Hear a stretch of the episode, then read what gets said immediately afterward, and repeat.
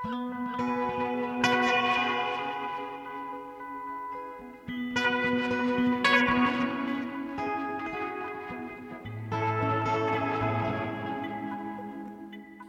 sæl kærlustendur, Jóhannes Óláfsson og Halla Harðardóttir heils ykkur hérna úr hljóðstofi Viðsjár mánudaginn 24. apríl.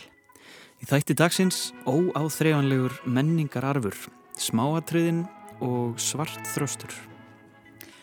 Kona með háan hitta vegna veirusíkingar tekur bók eftir Pól Oster úr bókaskánum heimi á sér. Á sörblæðinu er áritun frá fyrverandi kærustu. Minningarna flæða fram og smátt og smátt kynnumst við fyrverandi kæristunni betur en líka sögumanni. Þetta er fyrsta portrættið af fjórum sem að myndast í huga veiku konunar, sögumannsins í smáadriðunum eftir sænska rítvöndin Íu Sjænberg. Smáadriðin er bók sem fjallar um samskipt okkar við annað fólk og hvernig þau mót okkur sem manneskjur. Smáadriðin hlaut Augustvelunin í fyrra fyrir bestu skáldsögu ársins Hún kom nýverð út í íslenskri þýðingu Þórdísar Gísladóttir og við ræðum við hanna hér rétt og eftir. Og við högum að sundlögahangsi og laufabröðs gerð, þessar lifandi íslensku hefðir, gætu endað á yfirlitskrá UNESCO yfir óáþreifanlegan menningar arf mannkins. Þjóðminnisafn Íslands og stopnun Árna Magnússonar í íslenskum fræðum heldu málþing fyrir í mánuðinum um þetta fyrirbæri. Það er heilmikil vinna sem fer í að komast á svona lista og getur skipt miklu máli fyrir menningar varðveislu og sjálfsmynd þjóða. En þetta getur líka breytt viðhorfi fólks til menningar arfsins. Það er hægt á að þær stopnarna væðist og fólki líði eins og það sé hluti af einhvers konar sviðsetningu. Við ætlum að ræða þetta mál hér í lokþáttar. Þá kemur Vilhelmína Jónsdóttir verkefnastjóri hjá stofnun árna Magnússonar í heimsókn.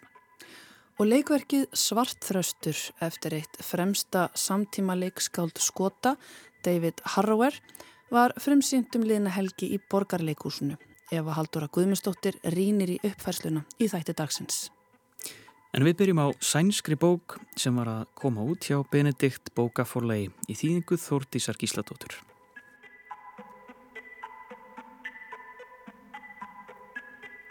Sæl og blessu Þórdís og verðu velkomin í Vísjá. Já, takk. Ía Geinberg, er það rétt bórið fram hjá mér? Já, ég held að maður segja Geinberg, en ég held að hún var að mynda að segja það svona, hún heyrir alls konar frambur sjálf þannig að hún er ekkit viðkvæm fyrir þessu. Já, þú ert sérfræðingur í sænsku ekki ég. það er ofta ekki nóg, sko. Nei. Hvað kona er þetta? Eh, hún er fætt eh, 1967 og þetta er fjórðabókinunnar. Eh, fyrsta bókinunnar kom 2012. Við eigum það sameinlegt að hafa báðar gefið út fyrstu bók 45 ára og, og hérna já, verið samfélum um það að við skiljum ekki hvað ung skáld er að gera.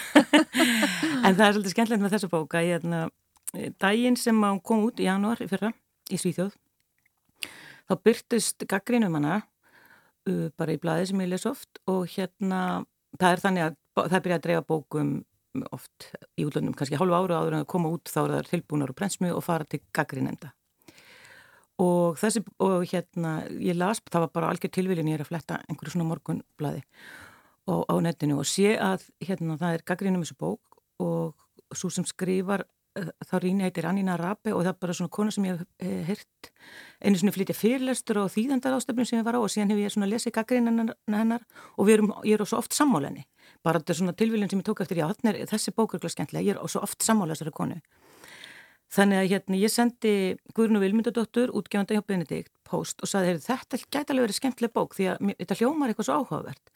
Og bara um hátegi þennan dag var ég komið með PDF frá útgefandanum í Svíþjóð og bara byrjaði að lesa og gæti ekki hægt að lesa. og, hérna, og skrifaði hann eftir og saði ég veit ekki hvort einhverjum öðrum en mér finnst þetta skemmtileg bók, hún er alltaf komin í marka en mér finnst hún aðeinsleg. Þannig hún kíkti eitthvað á hana og ákveði bara að skella sér á kaupana. Hún, hún er með ennum bókaklúp, Sólina, sem er með svona nýtt og færst þýtt efni. Og þannig að já, ég byrja bara svona hægt og rólega eitthvað að vinna í þessu og svo bara kemur bókamessa skömmu síðar þar sem að kemur ítölsk, ítölskur útgefandi sem að Guðrún kannast við, hvort það er útgefandi Jóns Kalmans og eðar öfu á Ítali og sér af hverju varst að kaupsa bók. Og hún segir já, það er bara, ég skoða hana eins og hérna þýðandi hún var svo fín og svo hef ég hirt á hún sér góð eitthvað svona, þannig að þessi ítalska skellti sér á hana og smám saman bara þarna held ég seldist 20, seldist hún til 20 landa. En síðan fór hún að sópaða sér velunum og fekk meðal annars ágúst velunin í Svíþjóð. Já, hún er algjörlega sláð í gegn. Ég sá að ég held að það sé búið að þýða ná yfir 20 tungumál Já. bara einu ári. Sko. Já, einmitt. Einmitt, hún lætur ekki mikið yfir sér svona í hendi. Nei, þetta er, svo sem enginn döðrandur en, en, og hún er ekkit sinnlesin alls ekki. En það er bara svo margt í þessari bók sem, svo, sem við allavega við sem að munum eftir Já, kannski aldamótunum og, og hérna, þessum örfa árum sem er liðin síðan maður náði bara ekki alltaf í fólk og fólk hatt horfið og lífimanns og það voru símaskráður og eitthvað svona sko. Akkurat, mér finnst það mitt í samálegar, ég tók hana upp og sogaðist inn í hana og gæti ekki hætt. Personar er ennþá bara með mér og mér langaði að lesa um fleiri manneskjur mm -hmm, frá þessum sögumanni. Uh, áður með svona fáum að heyra um hvað hún er. Hverjum þú segja vera svona höfundareinkinni hennar? Sko þessi saga náttúrulega fjallar um hérna, fjallar um, já ég raun og verið svona tengsl og vináttu, hún var mikið svona um vináttu, ástasamband, þetta er semst manneski sem er, sem er veik, getum gefið okkur kannski að hún sé bara með COVID og fer að rifja upp veikindi sem hún hérna átti í fyrir löngu þegar hún fekk malaríu og svona ímis sambönd og samskipt við fólk sem, þetta er svona fjóri kaplar þar sem hún rifjar upp aðalega fjóra personur og svo svona annað sem tengist þessu og já það er þetta með að kannski stóru hlutirnir skipta ekki kannski jafnmiklu máli eins og okkur finnst oft heldur er það þessi smáadriði og svona litli núansar sem að, mm -hmm. sem að hérna gera þetta og það líka fyrst mér svo skemmtilegt þetta er ekki nostalgist sko, þú veist, fólk átti bara sinn tíma eins og maður hefur ofta upplifað þegar maður er svona gammal mm. þú veist, maður átti í sambandi við einhverju mannesku, vinasambandi, ástasambandi bara einhverju sambandi og í, á einhverju tímabili lífinu og svo einhvern veginn rann þessi mannskja burt en núna reynda getur við alltaf haft upp á fólki aftur en þarna var það ekki hægt. Svona manneskjur sem að skiptu okkur rosalega miklu máli á einhverjum tímapunkti í líf okkar einmitt. og er svo bara algjörlega hornar úr líf okkar og geta látið sér hverfa bara Já, en líka kannski eiga meiri þátti að móta okkur en við gerum okkur mm, grein fyrir já. Já. og það er eitthvað svo mikill svona mannskilningur svona manneski sem að kannski fór ekkert vel með hann eða fólk sem að kannski, mann finnst ofta ekki kannski alveg að koma vel fram eða maður skilur ekki alveg, það er svona það er einhvern veginn svona skil, djúbu skilningur á hvernig samskipti bara geta verið mm -hmm, einmitt hún er mjög svona, hún fer í svona sálfræðipælingar. Það er miklu svona, einmitt, verið að lýsa hvernig við höfum okkur og af -hmm. hverju og hvaðan þessi hegðun kemur. -hmm, já, einmitt. Og svona persónlýsingar á fólki eins og þú, tala, þú veist, þetta gerist á nýjönda áratögnum þetta er fyrir tíma greininga. Já, einmitt. Hún segir það einmitt á einhverjum stað að Já. ein vinkunarna væri náttúrulega með einhverja röð af greiningum en þarna er hún bara Já, erfið. Nei, en svo er náttúrulega... Já, þessi manniska sem er alveg öruglega, hún myndi öruglega vera greint borderline í dag. Já, einmitt, með einhverju svona persónleika röskun já. og já, eitthvað svona narsisisma einhvern. Mm -hmm. En svo finnst mér eins og þarna loka kaplinn segir náttúrulega bara svakla mikið um hvernig ofbeldi getur bara breytt mannisk, móta algjörlega hennar bara einhvern veginn hennar líf hún verður svona einhvers konar já, svona flatur personleiki og hvernig, já, hvernig, hvernig sem sagt, eitthvað sem kom fyrir sem að, e, já, jáfnvel engin veit almennilega hvað var og hún hefur aldrei almennilega sagt frá, það, það er eitthvað sem að mótar hana og bara alla í kringum hana. Akkurat. Sko allar sögurnar eru mitt eil raunin að fjallum það hvernig við erum búin til úr kannski gjörðum annara mm -hmm. og það verður svo svakala stertið mitt í sístu sögunni. Mm. Manneskjan er eiginlega bara það sem -hmm. kom fyrir hana. Já, svo, já, það er mjög mikið þannig sko. Já. En svona, hvernig bókinu byggðu upp? Þetta er sérstaklega sögumæður, þetta er þarna bókin herst eins og segir já. á því að kona sem er með hitta og er veik, kannski með COVID, við mm -hmm. vitum það ekki, tekur fram bók úr bókaskapnum og les Já, hún fer að lesa eh, áritun. Uh, já, hún fer að lesa, ákveður að lesa hana New York þrýlikinn eftir Paul Auster og les áritun frá þáverandi ástkonu sem gaf henni þessa bók og, og það er áttu eitthvað mjög djúft samband og sem tengdist Pól Óster því þær voru báðar að lesa hann á þessum tíma og þá rifjast svona smá sem hann upp ímislegt úr lífinar og mm -hmm. samband við fólk og, og mm -hmm. tilviljanir sem að, já, svona tilviljanir í lífinu sem leiða mann á alls konar staði. Og það er sérst, í rauninni er þetta fjögur portrétt, það er þessi Jóhanna, fyrirhandi kærasta, Nikki sem er fyrirhandi sambiliskona þessi Alejandro sem mm -hmm. er fyrirvændi kærasti líka Já.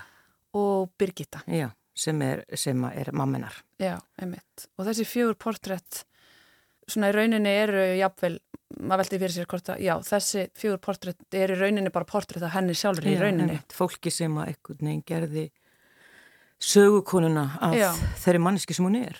Einmitt. Virkilega flott uppbyggð bók. Þetta er svona endalaus púsl sem er að ræða saman allan tíman. Já, Og maður er raunir svona- sér ekki heldamyndina fyrir nefnitt. fyrir henni í lokin, svona sér maður heilda myndina og það er svona aðrir vinir sem tengjast inn í þetta, hún á vinkunni sem heitir Sally sem er í fleiri köplum og þetta, þetta er og, og rennur svona í gegn Já. það er svona vi- vinasambandi sem að endist Einmitt. Og eins og þú segir, þetta er fyrir tíma hérna internetsins. Og við kannski munum eftir nýjönda áratögnum þegar maður gæti einmitt fara á tónlistaráttíð eins og hún gerir hún á fyrir einhverjum stað. náttúrulega þarna einhver tíman eftir 1990 fyrir hún á, á Róaskeldu hátíðin og týni vinum sínum og finnur það ekkert aftur. Og þetta er eitthvað svona sem fólk mann eftir. Þetta er nefnilega svo stutt síðan að hérna að maður gæti bara, já, bara ef maður týndi einhverjum á Róaskeldu hátíðinu þá var gæti orðið erfitt að finna fólk Já. aftur. En hérna þessi titil Þordís, smáadrein, þetta er auðvitað bara bein þýðing, Mhm. en segðu mér frá því, já, hvað, þú ert nú kannski búin að segja mér af hverju hann heitir smáadrein, það er þetta með lífið. Já, það er kannski þetta með að lífið er ja, hérna, ekki, stór, ekki kannski aðalega einhverju stórviðbyrður, heldur smáadrein svona sem að eru, já, kannski afleðingar af stórum, stórum viðbyrðum eða áföllum með einhverju og, og bara þetta með að það eru, það eru svo eru svo mörg smáadrið í lífi í lífi hérna fólks. Og hún sjálf hefur ekkert gaman að sögum, segir hún, sem svona stórum sögum svona eins og sagnamenn kalla sögur, heldur hefur hún gaman að því að púsla saman svona litlum atriðum. Og öllu svona í kringum þetta eins og þegar hún er að tala um aldamótin, þarna 2000, vandanlega 2000 vandan og allt sem átt að gerast þarna ára 2000 um, um áramótin. Og það gerist náttúrulega bara ekki neitt í raun og veru, fólk fór bara eitthvað að fyllir í og svo fór það bara heim til sín og, og það gerist ekkert og, og var, þetta varð ekki neitt neitt en allt í kringum þetta, allir sem hún ætlaði að hitta aldamótin 2000 og allt þetta sem átt að gerast og, Fötin sem hann ætlaði að vera og í. það voru, það voru sko, já, alls konar föt, það er svo mikið plön og svo einhvern veginn fyrir þetta bara upp í ekki neitt og fólk bara tekur, hérna, hún tók tapan og kampa eins og hvort hún týndinu svo eða eitthvað. Einmitt. Einmitt. Sko, þessi höfundur, um, þú sagði að þetta verið hennar fjórðabók, hún hefði byrjað að skrifa 45 ára. Mm Getur þú sagt mér eitthvað meira um hana? Sko hún, uh, hún var svona eins og kannski sögukonni sér í bók var búin að vera í alls konar námi í háskólum, svona á stefnuleysu og endaði síðan að gerast, hún var bladakonna og reitstjóri á einhverjum forlöfum og kendi vist eitthvað svona fólki að skrifa eitthvað svona, svo, svona smám saman sko, fyrsta lagi sá hún einhverju viðtali sem ég las og hún gæti nú bara ekki lífa á þessu það var svona framfæslu vandamál þannig að hún fór að vinna eitthvað með hérna, fólki með geðran vandamál og smám saman menta á þessu sem hjókunarfræðing og hún útskrifaðist bara fyrir já, bara örfáum árum sem geðhjókunarfræðingur bara um 50 Já. og hérna þau sá Það bara margt. Já, og hefur verið að velta þessu fyrir sig þannig að hún er bara, hún er sem sagt mentuð geðhjókunarfræðingur kannski bara fimm ár síðan hámark síðan hún útskrifaðist og vinnur svona uh, núna svona eitthvað með við það svona ef, ef, ef, hérna, ef hún á erfitt með að sjá fyrir Mhm. sér en undarfærið að bara skriftinnar tekið yfir. Mm Já, hún er daldið að slá í gegn. Já, hún er það sko. Hún, er, hún hérna, segir enda sjálfa, hérna, hún, henni finnst mjög gaman að hitta lesendur og finnst þetta náttúrulega rosalega skemmtilegt. En var, saði mitt í viðtælum daginn að hérna, henni finnst hérna, fólki finnst nú kannski eitthvað svona þakklátt eða eitthvað en hún, hún ætlaði ekki að, hún, hún væri búin að ákvaða fyrir löngu að kipa sér kvorki upp við, þú veist, ómikið hrósi eða ómikið, mikið, hérna, hvort, hvort sem það væri lofið að last, maður er bara alltaf sínu strikki. þannig að, og hún á þrjú börn og, og hérna, býr í Stokkólmi þannig að Mm -hmm. og er svona bara að vinna verðist vera mjög hjarpundin kona En svona, nú ert þú auðvitað mjög virkur lesandi. Hvað svona, getur þið tengt hana við ykkur aðra höfunda? Ég hert henni líkt við Rachel Cusk. Já, mér finnst hún svolítið svona Rachel Cusk nema með meiri húmor, mér finnst svona, það er svona mm, einhvern veginn, allavega einhver húmor sem ég tengi við í þessu, sem ég finn ekki alveg á Rachel Cusk sko mér finnst hún svolítið svona, það, er minni pína á Sally Rooney sem er náttúrulega bara á allt öru sko, þú veist, með allt öru kynnslóð og, og, og þú veist, mér finnst svona, við erum kannski meira, þetta tengist bara minni kynnslóð meira og og svona við erum svona, eigum auðvitað að sjá okkur í svona kannski svona skandinavisku samfélagi, þetta, þú veist, Sally Rooney er svo mikið að tala um stjættaskipting og svona þetta, þetta er svona aðeins öðruvísi Mm -hmm. Þannig að, en já, mér fannst það svona vera, það er eitthvað svona sem ég hugsaði mm -hmm. sko. Nei mitt.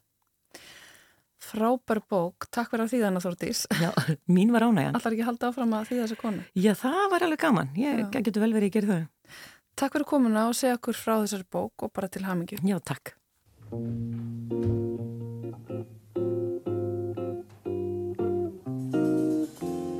lyser ängarna av sommarns alla blommor.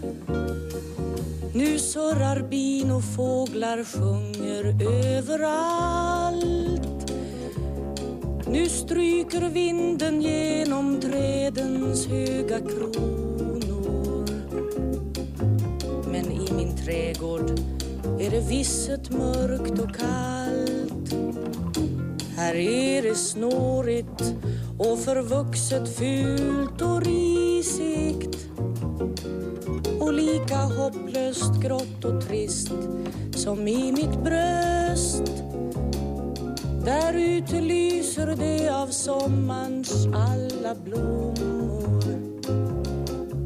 Där är det sommar, här inne är det höst. Jag levde lycklig här med dig och mina katter. Ett liv i synd och utan omsorg att bli frälst. Försonad med min karaktär för jag har aldrig förmått att säga nej till någonting som helst och inte nekat mig det ena eller andra. Och levat livet tills jag krossades en dag. Det började med att du bedrog mig med en annan. En som du sa var mycket finare än jag. Vårt gräl tog veckor och ropen blandades med gråten. Och jag blev grundligt jämförd med din fina vän.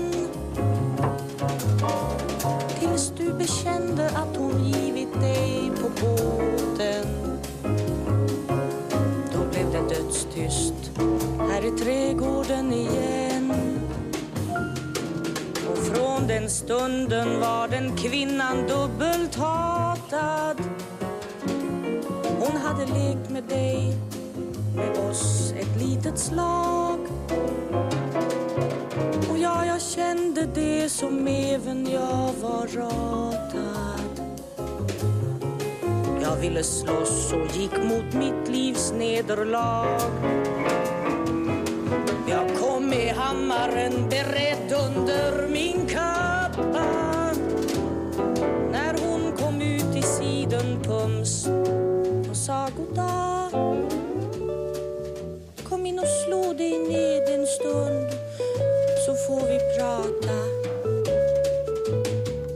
Jag bara stammade, nu minns jag inte vad.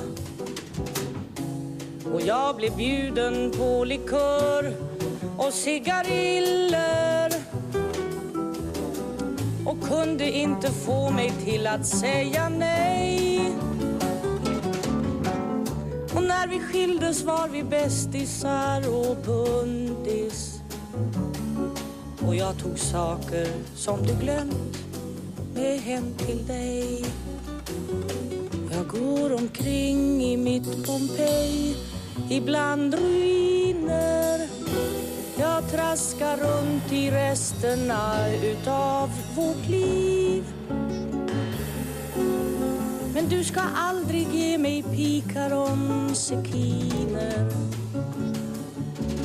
Och aldrig bliva någon annans tidsfördriv.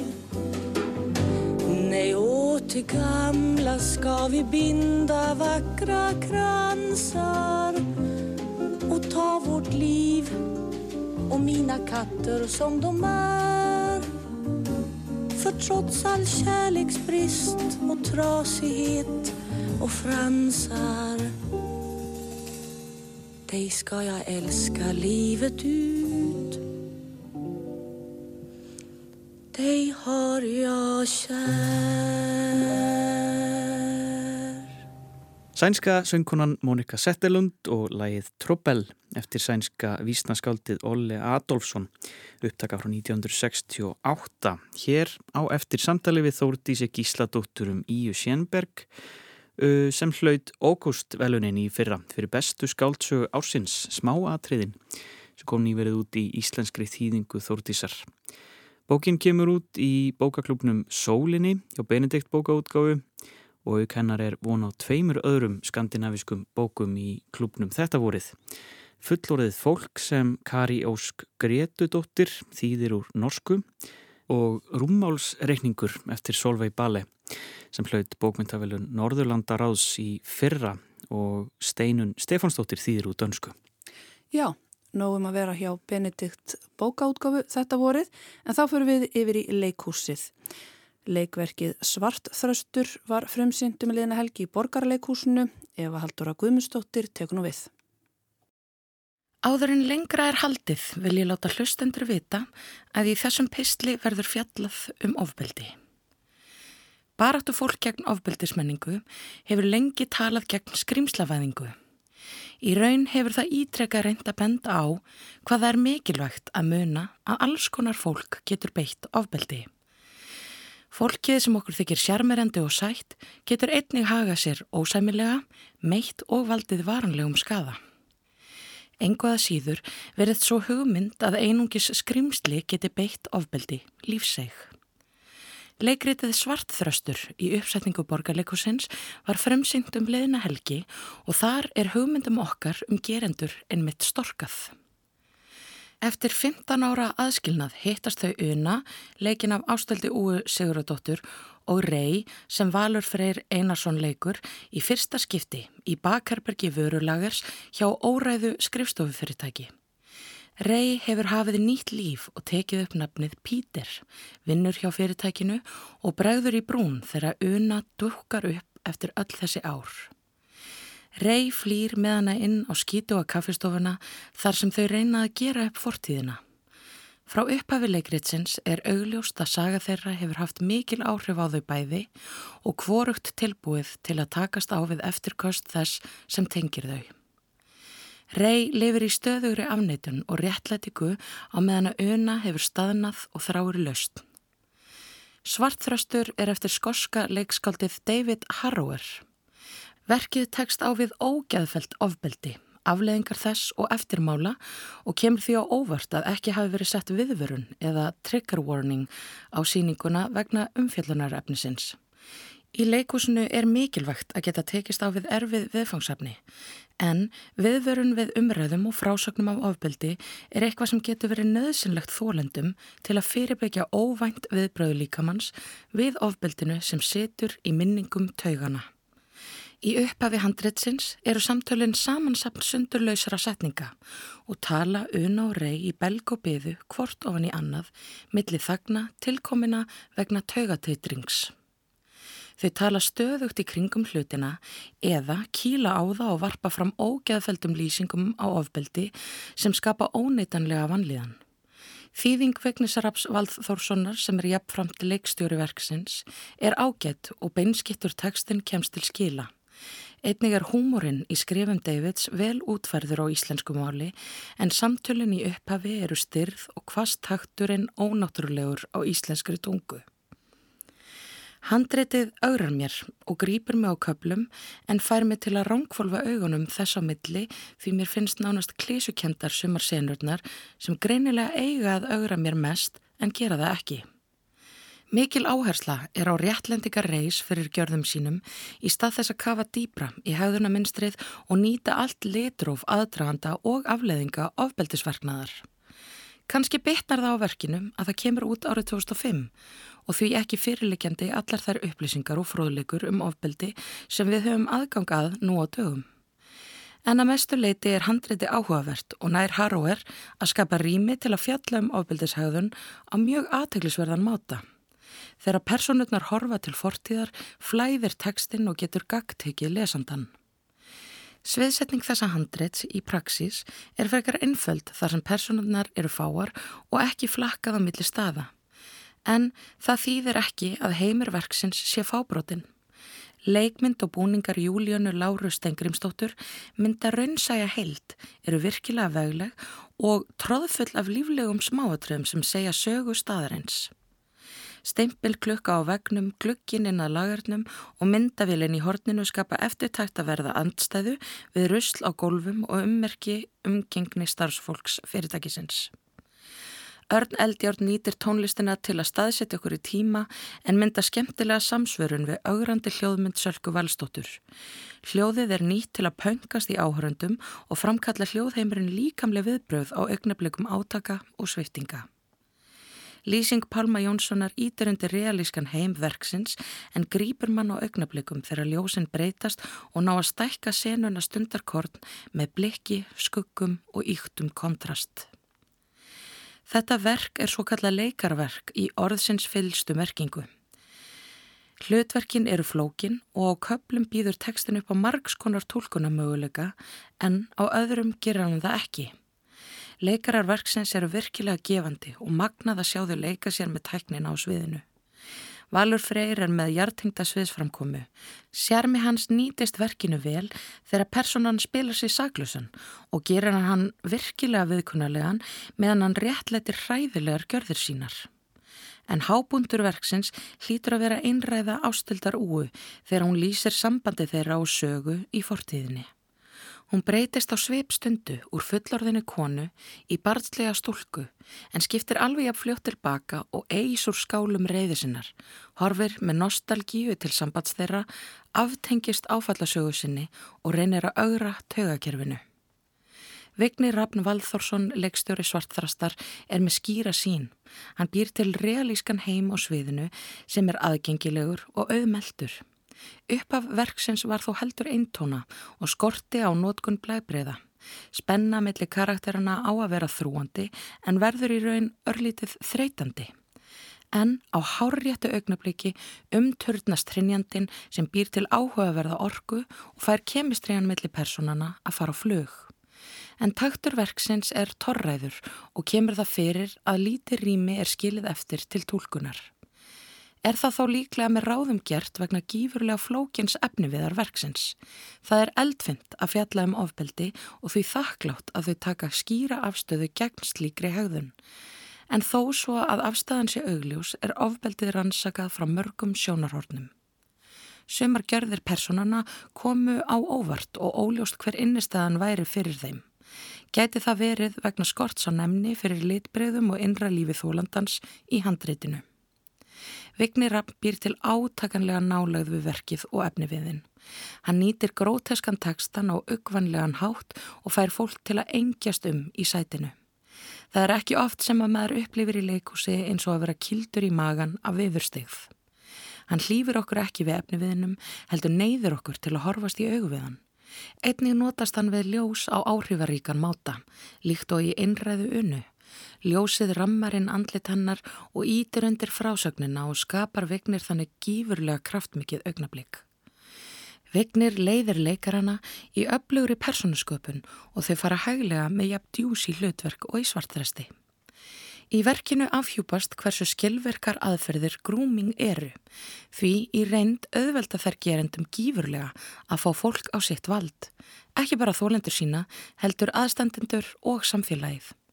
Orðræðu um skrimslavæðingu hefur stundu verið snúið í höndum þólenda og notað til þess að skapa meðengum með gerendum í stað samkjöndar og skilnings á aðstæðum. Meðöngun er svo nýtt til að útrópa þólendur sem óvægna þrátt fyrir að þau séu ekki að afskrifa manneskuna heldur fordæma háttarnið. Umræðan er oft afvegarleit að spurningunni hver á rétt til að lifa en það breytir því ekki að einhver beitti ofbeldi og annar þurfti að þóla ofbeldi. Leikópurinn allur tekst á við verkið af hugrekki. Þau benda réttilega á að viðkunnarlegt fólk beitir ofbeldi. Réttlæting, varnir og raunir ofbeldis fólks vegna verknaðarins sanna ekki að þau séu búin að axla ábyrð. Það að vera dæmtir fyrir ofbeldi hljómar nánast eins og dauðadómur en eins og afhjúpast í verkinu er það ekki svo. Þau varpa fram spurningunni hver sé í raun að afplána dómin?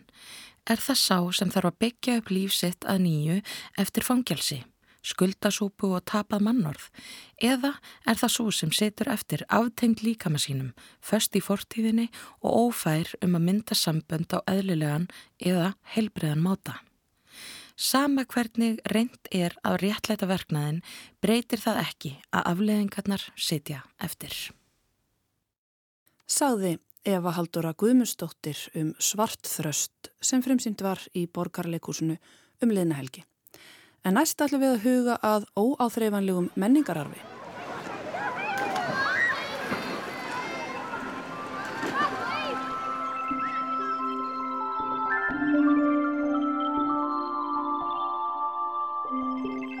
Sundlögamenning og laufabröðsgerð, lifandi íslenskar hefðir sem mögulega gætu endað á yfirlit skrá UNESCO yfir óáþreifanlegan menningararf mannkins Þjóðmennjasafn Íslands og stofnun Árna Magnússonar í Íslensku fræðum heldu málþing um þetta fyrirbæri fyrir ekki alls fyrir lungu. Mikill áhugi hefur verið hjá safnafólki og öðru fagfólki að veita óáþreifanlegu menningararfi meiri aðtegli.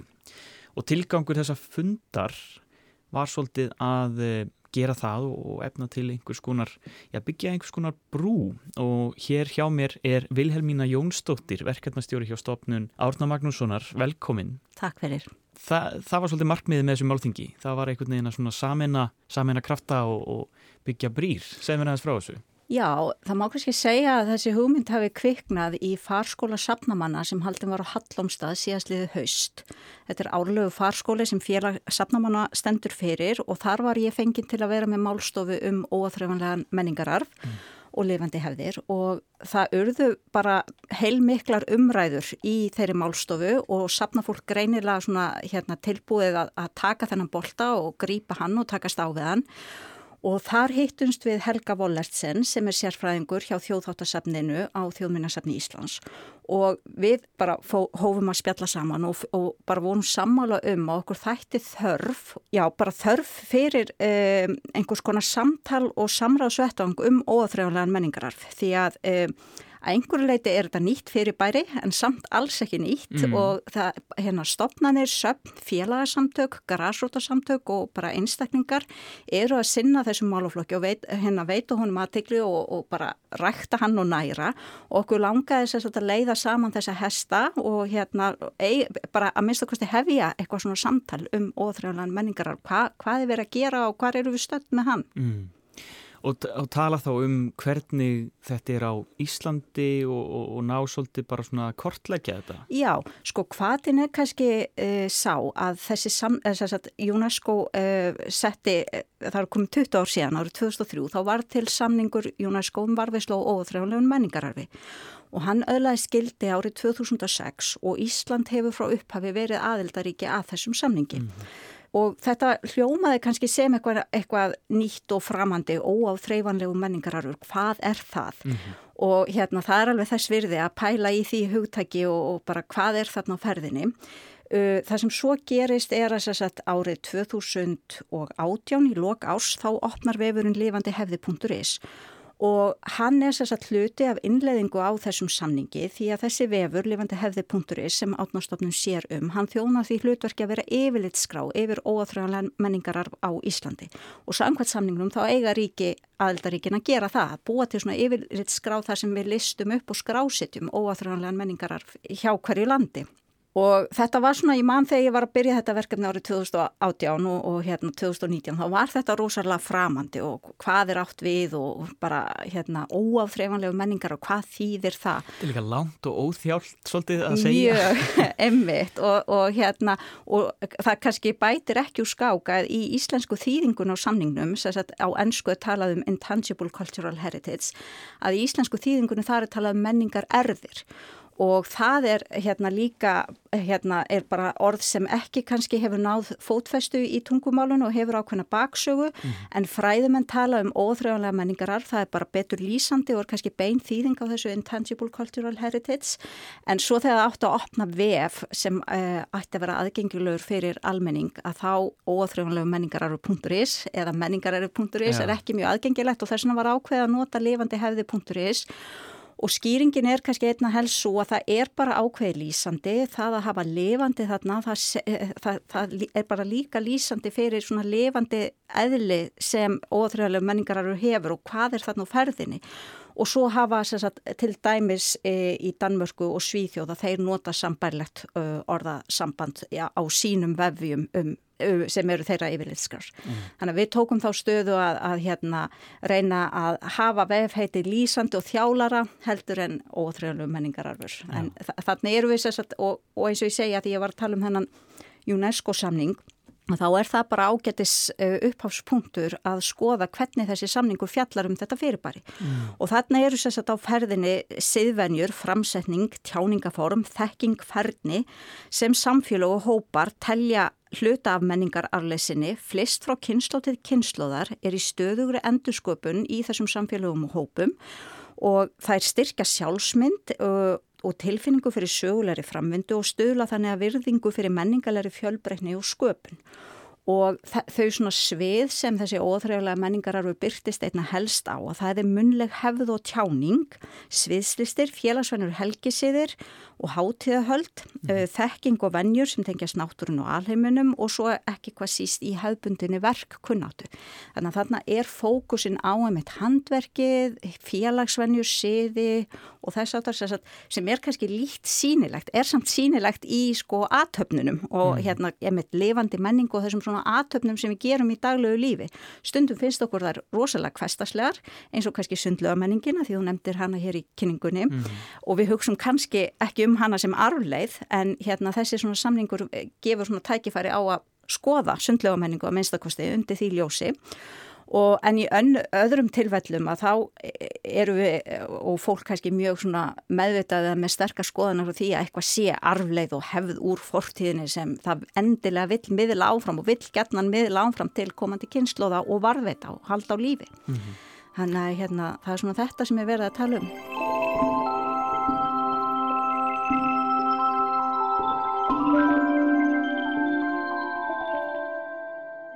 En stóra spurningin í þessu sem er hérna bakvið er náttúrulega sko, hvernig, hvernig verður svona mannlega aðtöfni eða þekking, hvernig verður það að menningararfi sem er hægt er að skilgrina á þennan hátt? Veist, hvað þarf hann að vera til í langan tíma og hvað þarf margir að koma að því? Veist, þetta er allt saman svolítið svona stóra spurningin, er Já, það ekki? Jú. Og, og, og ekkert eitt svar? Nei, ekkert eitt svar og hérna, þetta er mjög stór spurning og það er hérna hundruð fræðimanna sem velta þessu fyrir sér mm. og hafa atvinna því að velta þessu fyrir sér. En hérna en ástæðan kannski fyrir því okkur þarna þetta handverk er og hérna óáþröfulega menningararunum fer þarna í kastljósið að þá getur við skoðaði mitt kannski svona sögulega þróun á þessu húttaki menningararur eða þessu fyrirbæri, hvað er átt við.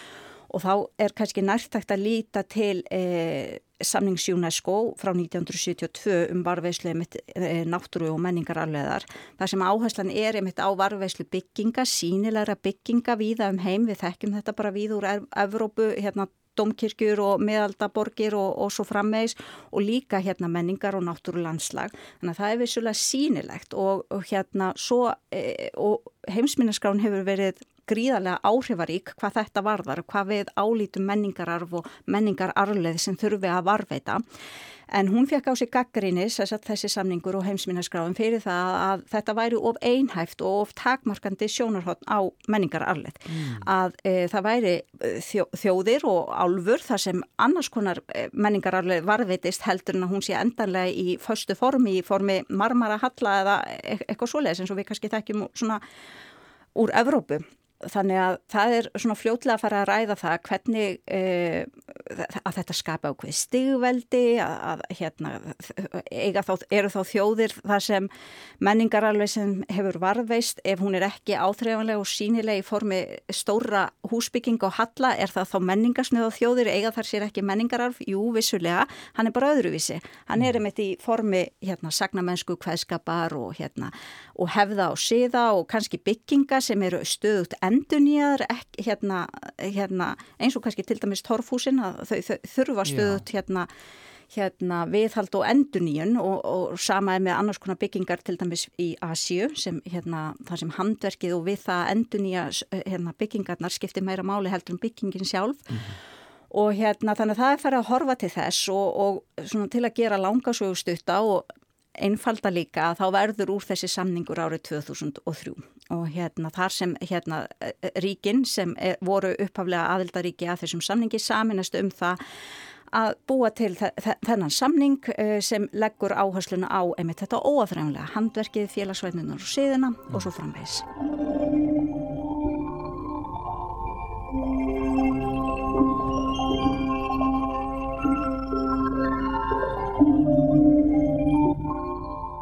Hverju breytir það þegar svona hluti komast á lista hjá svona stopnunum eins og, mhm. og saminuð þjóðan? Já.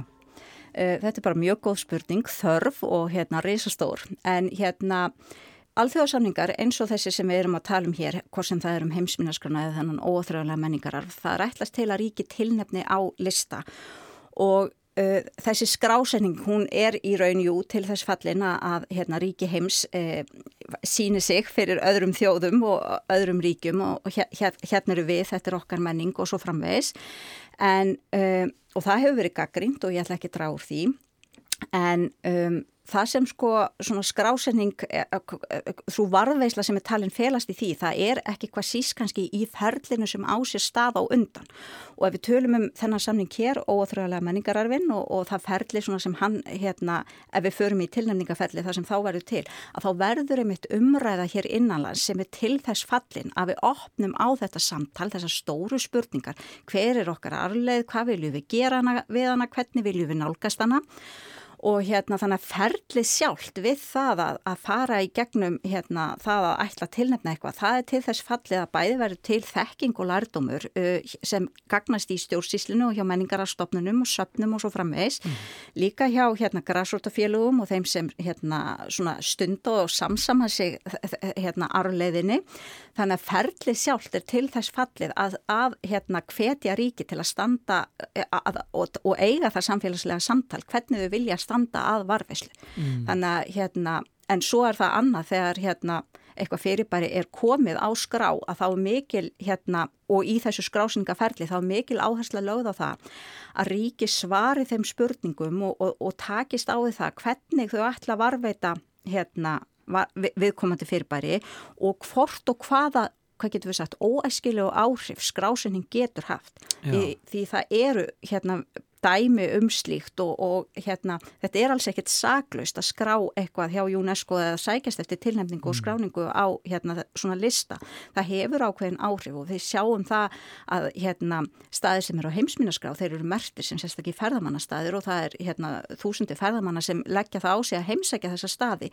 Þannig að þá þarf að bregðast við því hvernig tökum við á móti gestum, hvernig sínu við þeim og hérna, þannig að ágangur sé ásættanlegur og og hérna ánfram sér stuðlaða varveislu og, og, og svo framvegs og það sama á við um þetta óáþröfanlega. Mm að til dæmis ef við tökum hérna franska bakettið sem vakti aðteglega fór inn á, inn á þessa skráum og þrjöðlega menningararfin hérna í desember síðastliðnum að þá er það handverðsþekkingin á bakvið bakettið en bakettið eru auðvitað líka versmiðu framleitt og selt hérna hingað og þangað en, en, en þá er hérna líkur við fyrir að svara hvernig viljum við nálgast þetta hérna fyrir bara hvað er verið að varveit og hvernig stöðlu við að varveislunni og svona almennt varðandi óþrjöðlega menningararfin þá er áherslan lögð á að uh, sagt, þetta er lifandi arleið og hefðir og þessi óþræðileg menningararur, hann er í stöðugri umsköpun. Það, hann færist kynslo til kynsloður og í hvert skipti er hann í raun nýr, það bætist eitthvað við, eitthvað, eitthvað breytist og svo framvegs og að gangast við þessu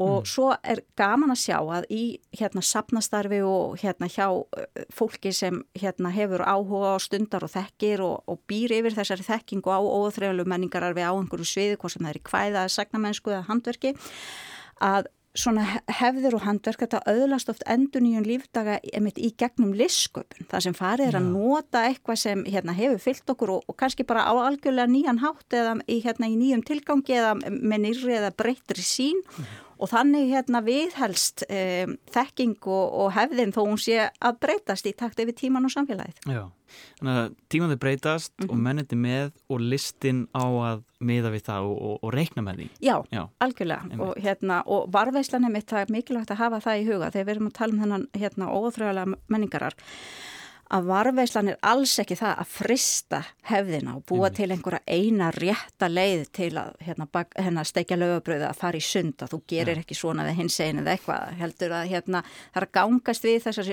hérna, endursköpun og fjölbreytileikanum innan hefðarinnar og hérna þannig að hérna varveisla samkvæmt þessum hérna UNESCO samningi um óáþrjálega menningararun, hún gengst við þessu og miðar við þetta. Og bæði er það áskorun því að hvernig varveitu eitthvað sem er lifandi og, og, og, og hérna eigum þá ekki bara láta þetta í friði eða hvað og hérna ef þetta lifi góðu lífi og hérna þannig að hérna það, það er sagt, áskorunin en um leið myndi ég segja tækifæri því að mm. þetta hérna býður upp á svo mikið bara skapandi starfi tengslu við sapna og menningar og, og einmitt listastarf.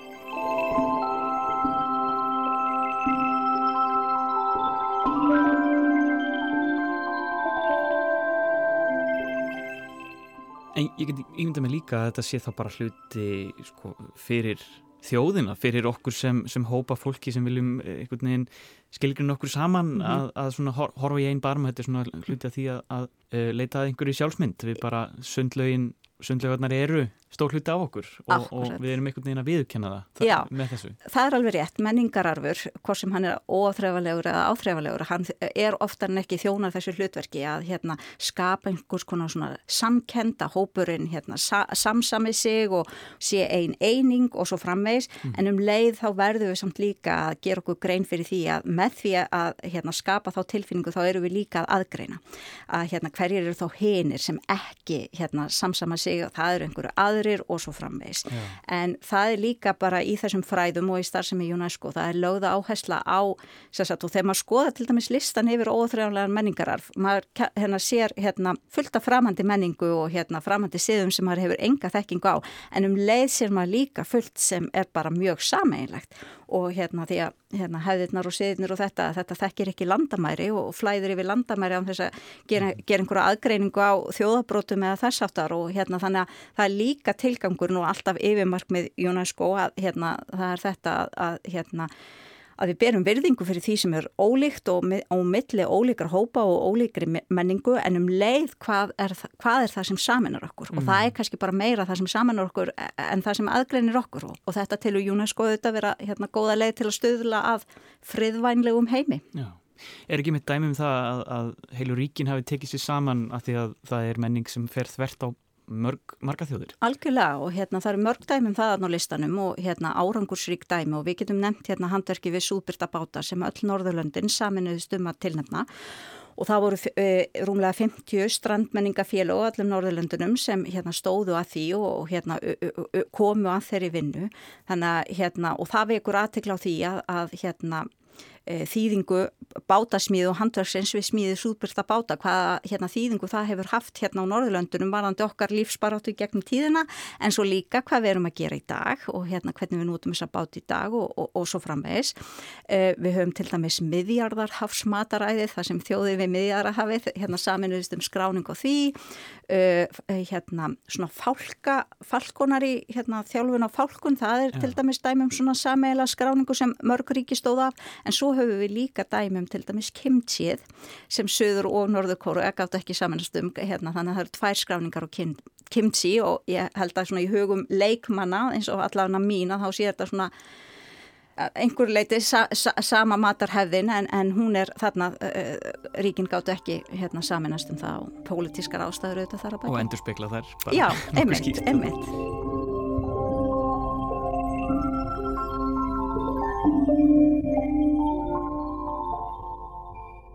Þetta er náttúrulega bara allt í kringum okkur menna óáþreyfumleg óaþreyfumlegu menningararfur eða að nota lifandi hefðir kannski lifandi hefðir, þær eru allt um líkjandi mm -hmm. og, og við tökum þátt í þeim á, á hver meinasta deg mm -hmm. en uh, hvenna kemur þetta í ljós? Ég menna í fyrsta legi með, með sundlögar og, og laufabröð Já, uh, sko hérna þetta er uh, langt og strangt ferli og þarf að vera svolítið formlegt ferli og hérna bara til að benda á það þá er sundlegamenningin ekki skráð á lifandihefði.is þannig að fyrsta skref er að fá þá skráningu inn á vefin og það er bara næsta skref og næsta verkefni mm. og það er einmitt kannski líka svolítið áskorun hverja á maður að tala við varandi sundlegamenninguna því að hún er svo almenn og allt í kringum okkur og svo sínileg og svo kvestasleg en það, þannig að það eru jú, jú hérna vissulega svona ákveðin félagarsamtök sem þarf að ta tala við og svona formleg samtök. Líka bara fólki sem fer í sund og fólki sem hittist í heitapottunum og hérna og, og hvaðeina þannig að við erum að hefja þá vinnu. Mm. hvernig við ætlum að ná til þessa fólks og, og hérna og standa að skráningu á sundlega menningu á lifandi hefðu.is en svo sagt, tekur við sagt, það þarf að útbúa hérna skráninguna og svara þessum spurningum varðandi með varðveislu og svona aðstegandi hættur og hvernig hérna á, hérna á að bregðast við ef, ef það er einhverjar aðstegandi hættur varðandi eh, til að varðveislan megi vera sem besta þenni staði, staðið. Mm -hmm. Þannig að það er hérna ími skjalager sem fer í gang og þarf að standa að en svo þarf líka að fylgja bara ljósmyndir og hérna svona stuttmynd, tíu myndna stuttmynd, heimildamind sem lýsir þessari hefðu og til þess fallin að lýsa hérna, hva, hvað þarna er á ferðinni og því að texti segir náttúrulega bara eitthvað takmarka, myndi segir eitthvað takmarka og svo er sérstaklega videómynd eða sérstaklega stutt kvikmynd sem þarf að fylgja líka mm. uh, og ekki nóg með það heldur þarf þessi þáttaka um, og ég kannski ekki nefnt það hérna en, en þessi samningur Jónas Góðum og óþröðlega menningararfinn að öll varðveisla og tilnefningar og annað að þetta þarf að gerast með þáttöku frá þeim sem samsamar sig arleðinni Já. og hérna þannig að það er bæði sagt, skapandi ferli og formfast svona í bland og hérna það, það þarf að kalla eftir þessu ferli og, og þessari þáttöku, þá, hún þarf að eiga sér stað og hérna þannig að það, það, innanlands er þetta langt ferli og það, það má ekki kasta til höndunum varðandi það og svo tekur, þegar þetta er komið til UNESCO þá tekur að minnst okkurst í átjónum mannaða ferli við.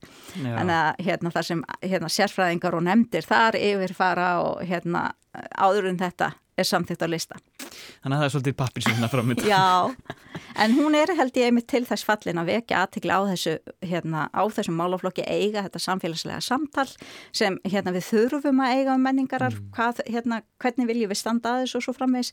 Þannig að ferli sjálft er hérna Sumi finnst það kannski aukatriði og að niðurstaðan sé aðalatriði en svona í mínum augum og, og margar annar að það er ferlið sjálft sem er einmitt ávinningurinn Já. með hérna svona tilnæmningu. Við býðum bara að sjá um hvað hva kemur út úr þessu óáþreifanlegu menningarárur, þetta er alveg afskaplega aðdeklisvert. Eh, Vilhelmína Jónsdóttir, verkefnastjóri hjá Stofnun Árnum Magnússonar. Takk hjálpa fyrir komina í Vísjá. Takk fyrir.